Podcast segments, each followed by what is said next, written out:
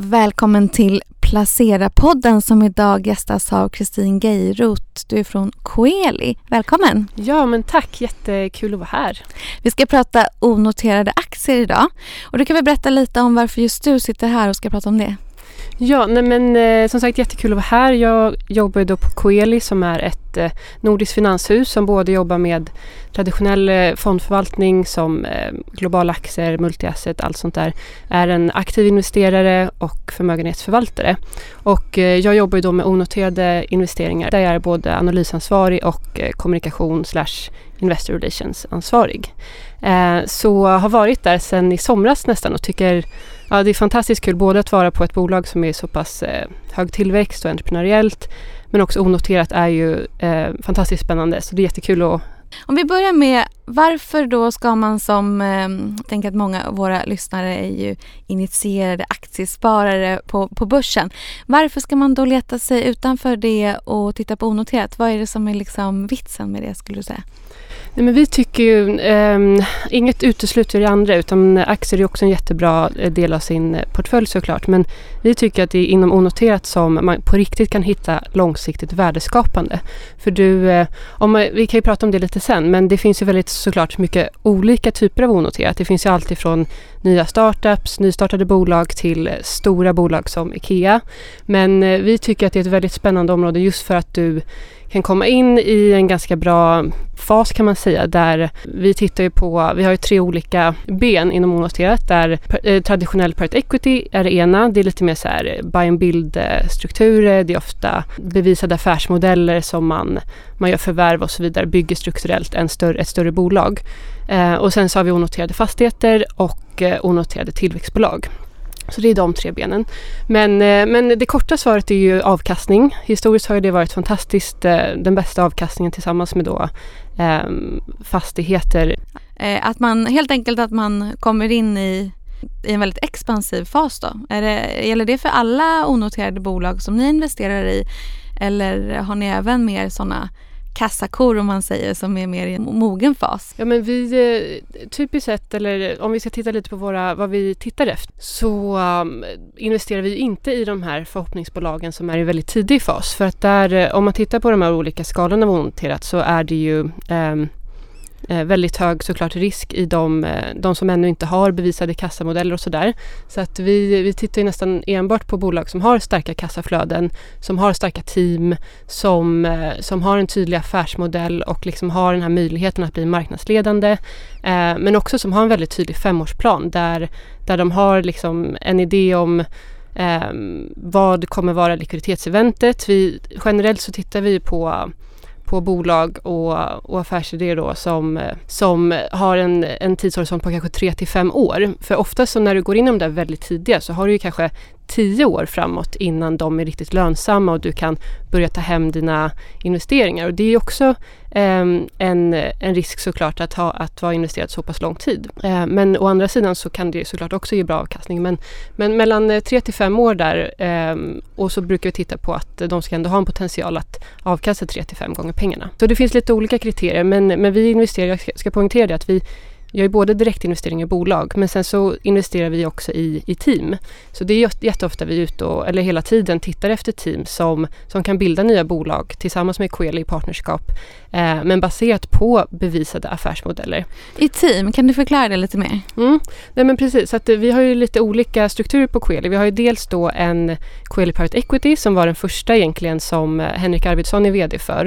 Eh, där eh, det är en väldigt spridd portfölj med private equity-fonder och onoterade direktinvesteringar då som, som faktiskt går att handla på Avanza som en vanlig aktie. Så den är ju väldigt, eh, väldigt på ungefär en och en halv miljard i dagsläget. Som ett, ska man, skulle man kunna säga att det är som ett investmentbolag fast med bara onoterade innehav då? Precis, verkligen så. Så att, eh, det är nästan, jag tror att det är runt 150 bolag som är i den portföljen. Men då kommer man åt de här riktigt bra private equity-teamen, fonderna som, som i sin tur gör, gör direktinvesteringar. Till exempel som e-equity som är väldigt specialiserade på e-handel eller Valedo, Segla. Så det är lite olika inriktningar men det är eh, nordiska private equity-fonder som han inriktar sig på. Om vi har några exempel för våra, som våra lyssnare känner igen så tror jag man skulle kunna nämna till exempel eh, Storskogen och Truecaller Precis. som kom ju mm. till börsen under förra året. Och hur länge har då eh, ni varit med i, i, i den resan så att säga? Ja men, eh, ja, men två jätte, jättespännande case eller bolag som också är ett väldigt eh, tecken då på att eh, det inte är små bolag som vi investerar i. För de här är ju väldigt, väldigt stora bolag. Storskogen gick in på börsen på 50 plus miljarder och Truecaller på närmare 20. Eh, men där var ju vi med i Storskogen ända från 2019 där då Coeli själva, och det här gör vi alltid då, vi investerar eget kapital i alla onoterade bolag. Så att vi, vi går inte ut och investerar i kanske 50 olika case per år utan, eller mer utan vi kanske har 6 till 8 större case där man ofta reser pengar då tillsammans med kunderna som får möjlighet att investera tillsammans med Coeli. Och där var ju Storskogen ett sådant exempel 2019 där man, där man såg då den här tydliga förvärvsstrategin. Som du vet, de, de förvärvar ju små, små till medelstora bolag ganska spritt, spridda affärsmodeller. Eh, men hade ju en jättetydlig då förvärvsstrategi och har ju lite kort om det så handlar det om att de, de köper in då bolag på en, en kanske multipel på fem gånger ebita eller vinsten eh, som då går in i en större portfölj och, och, på en gång så får du ju lite lägre risk för att du eh, har en eh, större och mer spridd portfölj och då har ju det då gått in i gruppen som eh, blir då en, för, en sån här multipelarbitrage som är en jätte jättebra investeringsmodell som vi, vi tycker väldigt mycket om. Så Storskogen var ett sånt eh, jättebra exempel. Nu ska man inte säga att det alltid är så. Den, det gav ju nästan närmare 1000 procent i avkastning under den här perioden fram till att de då... Sen 2019? Ja. Och då, och då när själva, vi kan gå in på lite dåliga exempel sen också. Men eh, under den här tiden då, när de väl går in på börsen, då är det liksom, då är det ingenting kvar? Eh, det är lite olika. Där har ju alltid förvaltaren eller den ansvariga ett, ett ett eh, beslut att ta vad som är bäst för aktieägarna. Men tanken är ju att eh, som Storskogen då hade vi dels i den här Coeli Private Equity och eh, så var det många kunder som investerade i det. Så där är det ju oftast en, en lockup när den väl kommer till börsen. Så det kan vara allt från tre månader till tolv månader som man inte får sälja om du inte säljer vid, vid IPO.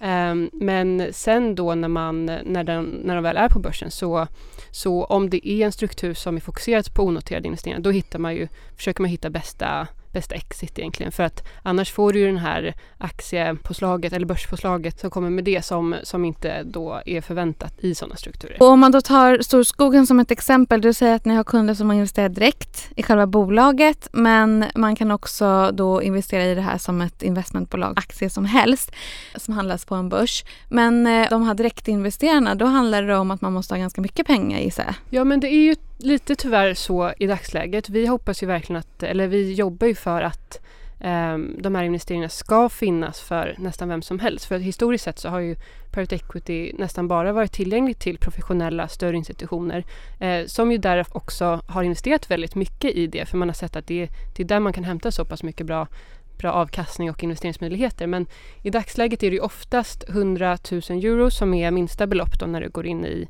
i sådana här case. Och det handlar kort om att eh, man ser det som, det är ett illikvitt tillgångslag så att eh, du måste i princip vara en professionell eller semiprofessionell investerare. Så då, jag tror att det nästan är bara, det är ju Sverige som har de reglerna. Det är inte alltid så ute i Europa utan då kan det vara lite olika. Men och man kan helt enkelt inte bara sälja sina aktier när man vill utan man måste ju då själv i princip eller någon mäklare hitta en, en köpare. Ja men eh, eh där, där, nu är inte jag rådgivare så att jag, jag har eh, jag sitter ju med analysen då, men jag vet ju att eh, Coelis förmögenhetsrådgivning, de, de sitter ju nästan på hela boken på sina kunder. Så där, där har det aldrig varit ett problem att sälja när man vill det. Utan då kan man hitta en köpare som oftast när man, när man har de här casen så, så övertecknas ju de. Så att det finns ju nästan alltid potentiella köpare då som vill köpa andrahandsaktier eller secondary som man brukar säga. Och om vi då, då, då har vi då Storskogen och, och även Truecaller har ju varit en stökig resa nu mm. efter att den har kommit in på börsen. Det gick väldigt bra i början. Eh, men eh, om, om, vi ser till två såklart exempel som har gått jätte, jättebra. Eh, om man tittar då, eh, hur många blir det liksom ingenting av? Du pratade om tre ben, fastigheter, private equity men också tillväxt. Är det tillväxten där man kanske chansar lite mer och risken är lite högre eller hur ser det ut? Nej men eh, vi, vi brukar inte, jag tror att eh, det finns lite olika definitioner på de här tillväxt och småbolag. De som vi investerar i, vi har till exempel en, en struktur som heter SIP 2 AB, lite svårt namn sådär men Coel Investment Partners är det förkortning för. Där har man investerat i sex eh, onoterade då bolag som kanske då är de här tillväxtbolagen. Det är Northmill Bank, en, eh, sven, eller nordisk eh, neobank, Meds Apotek, Truecaller var också med i den portföljen, eh, Squid och AppJobs och Babyshop som, eh, som nästan alla omsätter runt över en miljard. Så det är, inga, det är verkligen inga små, småbolag vi pratar om utan det är de, även de är, är, stora så att säga. Har ni någon gräns för hur mycket ett bolag ska omsätta för att ni ska gå in? Inte riktigt så. Vi vill ju gärna att de ändå kommer upp i kanske 30 miljoner uppåt och sådär och gärna kassaflödespositiva eller, eller väldigt nära positiva. Eh, så vi har inte satt i sten så. Det handlar mer om vad de har för plan, vad de har för värdering. Värderingen är såklart väldigt viktig så att man inte kommer in på de här eh, chockerande värderingar som kanske baseras på, på omsättningar som är fem år i tiden. För det blir väldigt svårt att rimlighetsförklara det. Om man säger. Och eh, vad har ni för krav på, på vad det ska vara för avkastning för att ni ska gå in? Vi brukar säga 3 till 5 gånger pengarna är, är det vi tittar på. Man vill se att de har en så pass stark underliggande tillväxt och eh, plan så att de ska kunna komma upp i de nivåerna. 3 till 5 gånger pengarna på 3 till 5 år ungefär. Ja, precis. Och då kan det ju variera. Då. Som Truecaller till exempel, de investerade vi i mars förra året och de gick till börsen då senare under hösten. Så det var lite kortare period men där, det var ett så pass bra bra investeringscase. Det är också en fördel onoterat. Ofta när man kommer in i de här som professionell investerare så har man ju en väldigt nära eh, dialog med de här bolagen. Så att är du själv ute som privatinvesterare och ska titta på de här, då kan det ju vara lite svårt att hitta information. Du måste göra väldigt mycket egna, egna antaganden och ja, du vet ju själv säkert när man har sett en pitchcheck eller så så är ju oftast prognoserna väldigt, ser ju väldigt bra ut.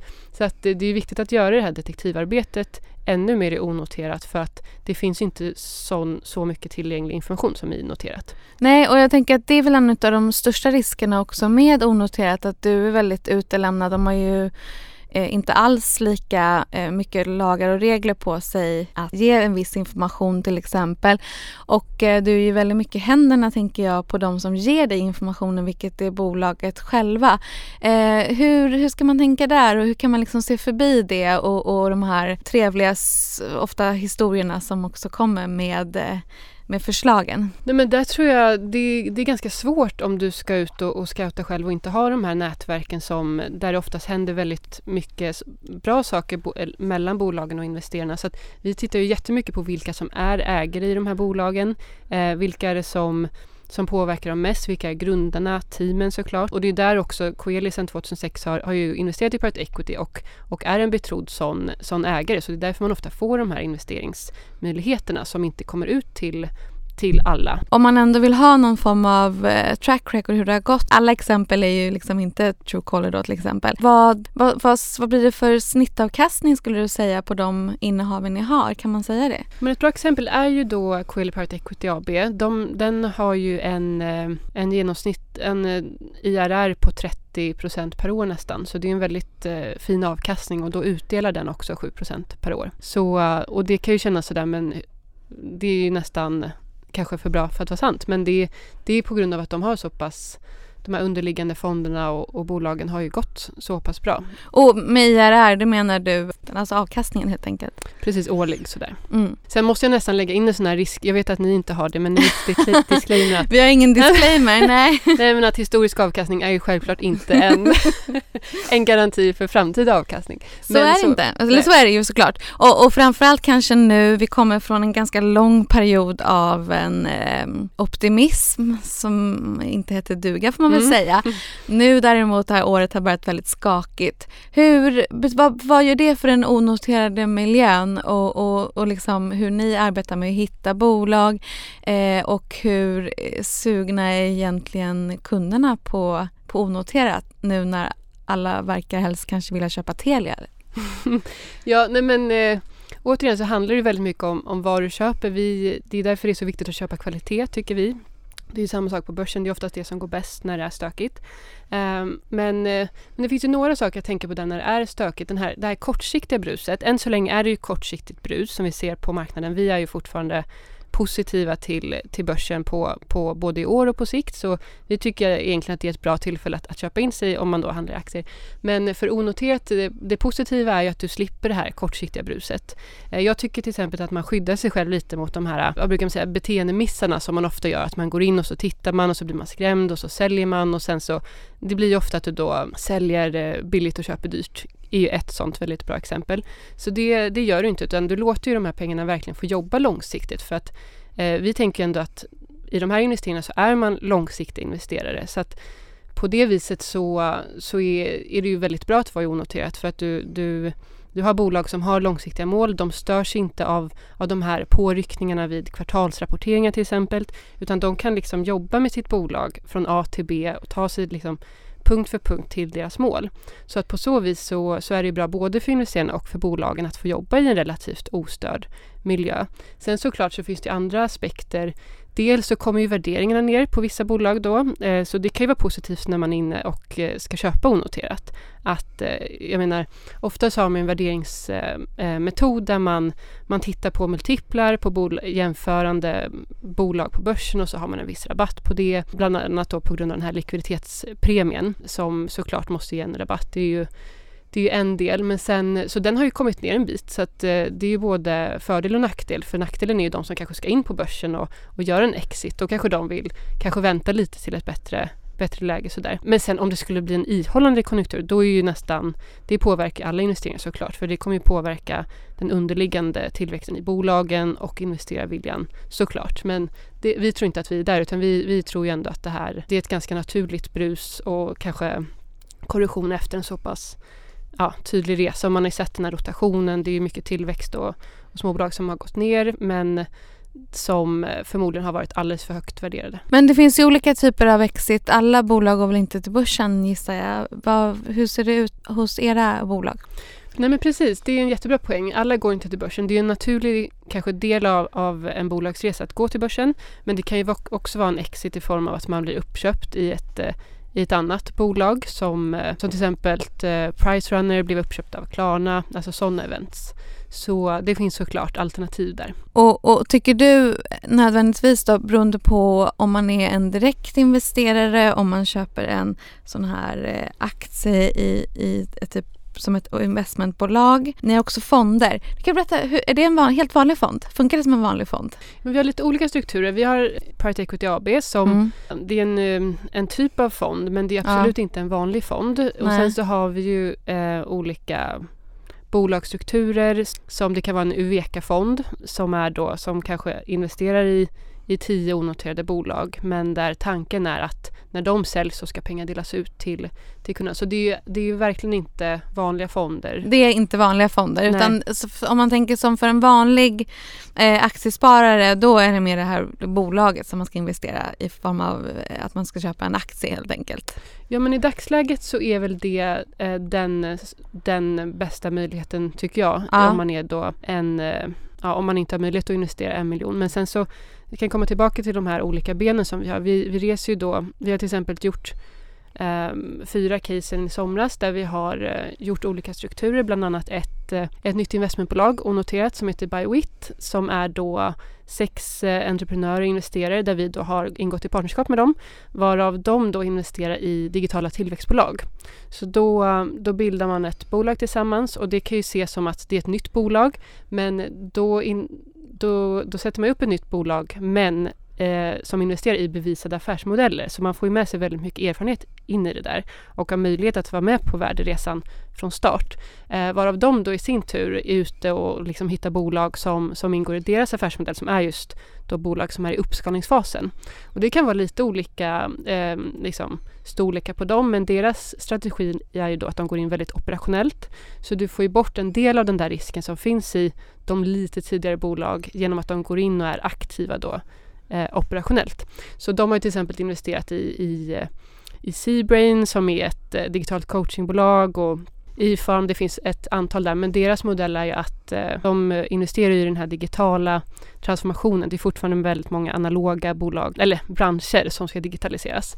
Så det, det blir ju en nisch lite i den strukturen, så där reste vi ungefär en halv miljard och ska resa mer pengar till den. Så att eh, om fem år ungefär, inom fem år, så ska den börsnoteras. Så det, det är liksom strukturen som ser ut på det.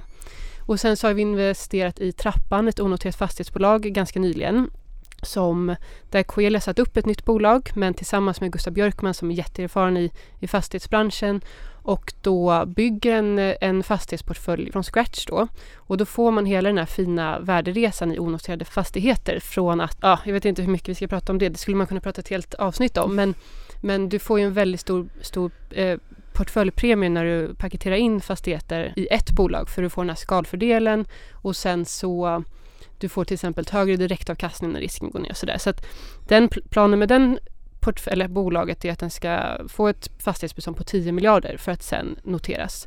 Um, och då har du ofta en väldigt fin börspremie på de här fastighetsbolagen också. Men jag tror det som är väldigt viktigt att förstå i de här onoterade, det, det som vi gillar så mycket, det är att du får ju verkligen den här värderesan i de underliggande bolagen. Och så att jämfört med till exempel på börsen, om du går in och köper eh, Balder, stort fastighetsbolag, jättebra bolag. Så förutom att du får ju såklart fastighetsexponering men du får ju också väldigt mycket exponering mot börsen och den här turbulensen som kan dra ner bolaget kortsiktigt då. Och bruset. Bruset, precis. Medans du, eh, du då, om du är en tidig investerare, säg då i starten på den här femårsperioden, så är du med från början och bygger de här värdena. Så det är det som vi gillar så mycket och som kan skapa de här stora, stora värdena. Och sen ett annat exempel var ju då Paddle United, ett paddelbolag som vi investerade i i vintras också. Som eh, kan ju låta väldigt lite annorlunda. Men det är också ett exempel på vad man kan hitta för investeringsmöjligheter i, i onoterat. Så, och sen håller vi på med ett nytt case nu som jag inte riktigt får prata om än men eh, som är jättespännande också med eh, onoterade, lite mer pre-IPO. Men visst finns det private equity-fonder som man kan investera i som, är som vanliga fonder eller hur funkar det? Ja, men det finns ett koncept som heter Listed Private Equity och det, där, där får man ju till viss del den exponeringen men det man ska eh, ha med sig där det är att det är då fonder som investerar i bolag som är på börsen som till exempel EQT, Kinnevik och så vidare som i sin tur eh, investerar i onoterade bolag. Och det här är ju såklart jättefina bolag men det man ändå ska ha med sig är att när du går in i en sån fond då får du direkt ändå den här börsexponeringen. Det är oftast väldigt hög korrelation med, med börsen så där får du inte den där diversifiering som man kanske vill åt när man verkligen på riktigt investerar i, i onoterat. Så att det är lite, en, ja, jag skulle nog säga att det är lite äpplen och päron för att du, det är det är noterade aktier som du kommer åt, eh, oftast in i där. Och, och då om man liksom som, eh, som återigen om man är som vanlig aktiesparare så eh, då det är svårt att komma åt de här utan då ska man helst ha ett större kapital. Ja men så är det ju idag. Vi har inte riktigt kommit så långt som vi vill. Vår vision är ju att alla ska kunna investera i onoterat för vi tycker att det är en väldigt viktig del av en, av en långsiktig portfölj.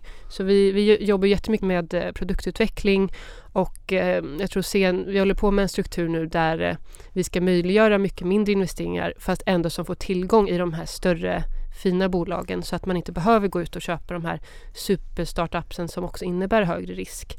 Eh, så ja, man får väl hålla lite utkik. Så, så i det här fallet handlar det inte om att man, eh, man tänker att vissa som investerar då kanske i mer startupbolag att man kanske gör det i tio olika eller, lite, eller flera och sen eh, hoppas man att en kompenserar för att resten inte går bra så kan man ju också tänka inom till exempel hälsovårdsbranschen. Är det förresten en bransch som ni är inne i överhuvudtaget? Jo, absolut. Ehm, medtech och hälsovård är ju en supertrend och vi, det är jättemycket spännande affärsidéer där som håller på som, eh, som kommer att utvecklas och absolut, vi investerade i den. för den är sätt. ju annars, tänker jag, känd för att vara väldigt binär. Jo men så är det ju. Samma sak där, att, att där vill man ju se att den är bevisad, deras eh, affärsmodeller, att de har en kundbas. Det är ganska ofta bolag kommer och säger vi ska in i USA, vi ska in där. Men, men vi vet ju att det kan ju finnas ganska mycket politiska risker för att du ens ska få distributionsrättigheter och så när du väl har din produkt. Eh, så det är ganska hög konkurrens. Att, ja precis, det är ju ett sånt där ett binärt case som, eh, som vi helst undviker. Då. Men, eh, men ja, det där med tio, tio stycken och så en kanske går i mål. Det är väldigt eh, tyvärr tycker jag någonting man pratar väldigt mycket om och det kan ju såklart vara så. Det kan ju vara att du investerar i tio och så får du en Klarna och så går det jättebra. Men det är också en ganska hög risk att ta den för att, eller det är inte så kontrollerat om man säger så. Och jag vet ju att det har varit det är ganska ofta mm, VC-bolag eller private equity, kanske till och med, eller det var en artikel i DI där det var en av pensionsjättarna som sa just det, nej men man köper mycket men så går vissa bra. Och det kan ju vara en strategi som kan löna sig men det kan ju också verkligen inte löna sig. Så, mm, så där får man väl se vad man vill ta för risk och självklart också då ska man inte investera pengar som, som man inte har råd att förlora. Så säger man ju alltid också. Mm. ja, det ligger ofta någonting bakom de där klichéerna. Men eh, man kan väl säga då att eh, att det slår lite hål på myten när det kommer till fördomar kanske man kan säga när det kommer till just onoterat. Att det, det måste inte vara binärt, det måste inte vara förhoppningsbolag. Eh, utan att eh, men är det någonsin så att ni går in i något som verkar ja, men, det bästa som har hänt världen eh, fastän man inte har en beprövad affärsmodell eller då är det liksom nej? Ja, vi är väldigt eh, hårda på den faktiskt för att det är jätteofta man träffar väldigt sådär eh, bra, alltså bra människor, entreprenörer som har satsat allt liksom på... Det är jätteviktigt att det finns ängelinvesterare och, ehm, och tidiga investerare. Annars skulle vi inte ha de här som har kommit en bit fram. Men, men vi är väldigt hårda på den just för att dels så investerar vi i vårt eget kapital och kunders pengar. Och så att vi, vi tycker att det är en onödig risk att ta för det finns ändå så pass mycket avkastning att hämta i i de eh, onoterade bolag som vi fokuserar på. Kan man säga att det finns några trender inom onoterat och är det något extra som du känner är extra intressant nu eller som någon bransch som har extra stort eh, behov av eh, kapital för att de behöver växa så mycket? Det där är superspännande. Vi tittar ju på, på långa trender, man kanske nästan kan säga megatrender som eh, som skapar olika typer av undertrender kan man nästan säga. Men allt som har nästan med det låter lite kliché också, men mycket tech. Det är ju såklart mycket fintech, det är mycket medtech. Eh, det är mycket cleantech. Hållbarhetstrenden är superstark. Vi får jättemycket sådana case som såklart är jättepositivt att, eh, att det finns så mycket innovation inom det området. Men får jag fråga en sak där? Där kan du ofta bli inom den typen av bolag att det liksom winner takes it all. Är det inte lätt att, att gå fel där? Jo men eh, du har helt rätt och det är lite samma som med health tech. Att nu kommer jättemycket bolag som producerar batterier och då blir det sådär, ja men, men hur bra är de där batterierna verkligen och vad kommer komma nästa år som kanske är ännu bättre? Så att det där är, det är jätteintressant. Sen så finns det också mycket energibolag som till exempel solenergi, fiber och vindkraft och allt sånt som eh, lite går in i den här hållbarhetstrenden. Men där blir det också jätteviktigt att dels se vad det är för team och ägare bakom. Finns det, finns det personer som har gjort och verkligen är expert på området? Och sen också värderingen, för det är jättelätt också att de där värderingarna rusar i höjden för att de är i den där trenden. Och då är ju vårt ansvar att utvärdera den värderingen. Är det rimligt att gå in på eventuellt väldigt höga nivåer? För då kan du ju ganska snabbt tappa pengar om, dem, om det plötsligt skulle dyka såklart. Men andra trender är just den här digitala transformationen. Vi ser ju väldigt många affärsmodeller som, eh, som håller på att digitaliseras och det, där, där kanske det också kommer finnas de här winner takes it all, att, att det kommer någon som verkligen transform, transformerar en bransch och som blir, blir störst. Men eh, det behöver inte bara vara winner takes it all. Som i, i paddelfallet, nu är inte det en digital affärsmodell, men, men där är det ju flera konkurrenter som förmodligen kommer lyckas väldigt bra, för det är en väldigt växande marknad och man behöver nästan bygga den marknaden tillsammans. Men vi har ju till exempel investerat i ett jättespännande bolag som heter Utopia, som lite transformerar musikbranschen. De har en jättefin slogan som är Fair Pay Per Play. Så att de har identifierat att det är jättemycket om man kan kalla det svinn utifrån musikbranschen så att det är väldigt många artister som inte får det de ska få betalt. Får inte sina stimpengar. Precis, och de, man pratar om royalties och mycket sånt där. Så Utopia då, det är bland annat Tuva Palm och många andra bra som är med i den, eh, den ledningen som de har hittat en teknikplattform som fångar upp då vart alla låtar spelas och och eh, liksom har också en förvärvsstrategi där, där, där de tar en, en del, men framförallt så ser de till att, eh, att artisterna och musikerna får rättvist betalt. Så det är en jättespännande resa som eh, det då i eh, ganska nyligen. Så den skulle jag hålla koll på. Och du har ju pratat ännu rätt mycket om fastighetsbolag också. Och där är det ju verkligen inte att, att det bara står en vinnare uppe på täppan. Vad ser man för trender där då? Vilka bolag är det som ni investerar i där? Jag tänker att den är ju ganska fragmentiserad den branschen utifrån vilken typ av fastigheter man pratar om. Ja men precis. Ehm, det där är också spännande för det är många som pratar om att det kanske är en topp nu när räntorna kanske är, är på väg upp och så vidare. Men där, där gäller det också att verkligen, man brukar prata om, eh, om direktavkastning, yieldnivåer på olika typer av fastigheter. Så i trappan då till exempel så tittar man på regionstäder. Man har en, eh, något, en ganska diversifierad fastighetsportfölj där man både kan köpa lättindustri, kontor till viss del, grovhandel, alltså inte köpcenter utan mer mer grovhandel och sådär. Men där man tittar på att ha en, en snittyield på 5,5 ungefär. För att just till exempel bostadsrätter inom Stockholmsområdet, den är ju ganska crowded. Så där, där kanske det blir svårt att hitta bra förvärv till bra pris. Nej men så den är ju, den är ju spännande och ja, som sagt just när det gäller fastigheter så tror jag man har mycket att vinna på att komma in i de här onoterade fastigheterna som ännu inte har den här superhöga värderingar som ofta kommer med en substanspremie och sådär. Om vi eh, avrundar lite, en eh, sista fråga bara. Skulle man kunna säga att, liksom att den här private equity-branschen och det här med onoterat är eh, utifrån liksom ett konsumentperspektiv lite i sin linda? Jag tänker att vi ser Sjunde AP-fonden till exempel satsar väldigt mycket på den typen av innehav. Inte minst för att, att sprida sina risker men ändå eh, skapa hög avkastning.